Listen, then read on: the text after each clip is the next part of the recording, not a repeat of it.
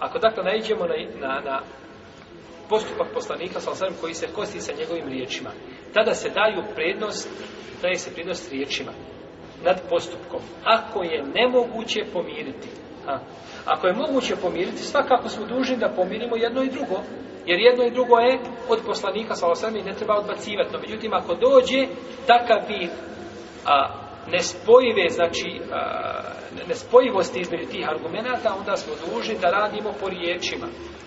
Iako je takvih stvari malo.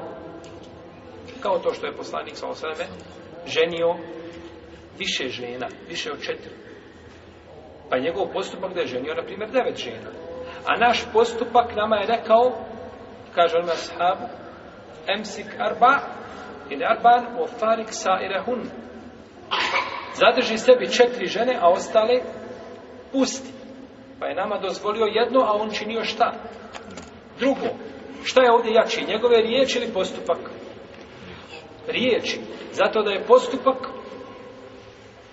bi se radovalo. A nije, nego su šta? Riječi. Zato što su riječi propis umetu dok postupak može biti samo za poslanika sallallahu alaihi wa sallam.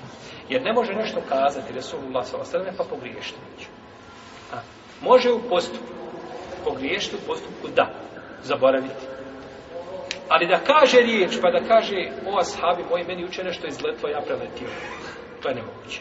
To kod poslanika sallallahu alaihi wa sallam nema. A može pogriješiti Resulullah sallallahu alaihi wa sallam u postupku. No međutim, ne kaže se za postupak poslanika, znao sam, iako u njemu bila greška, da je to neuspjeh, da je to promašaj. Kao što kaže Amr Halid. Izlazi na televiziju i kaže poslanik znao sam, ima 26 neuspjeha. Tešan. Tešan u arapskom je neuspjeh, totalni. Ima 26 neuspjeha. Kada je pošao u Tajf, to je bio neuspjeh.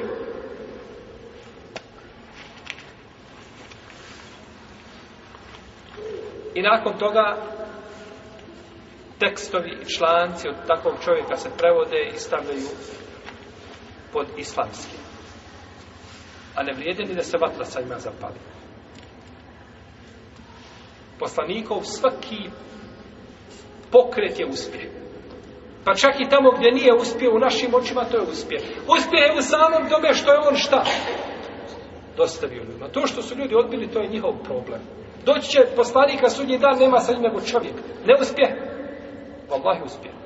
Uspio da ne može biti veći. On je poslanik, li jale mojn kada blagu risalati robihim, u ehalta bima nadejhim, u ahsa kule šir adeda. Znači svaki od poslanika je svoju poslanicu dostavio i ljude pozivao, a uputa inne kela tehdi men ahbert, volakin Allah jehdi me ješa. To nije u tvojoj ruci. Allah upućuje koga želi. Kakav neuspe, kakav fešan.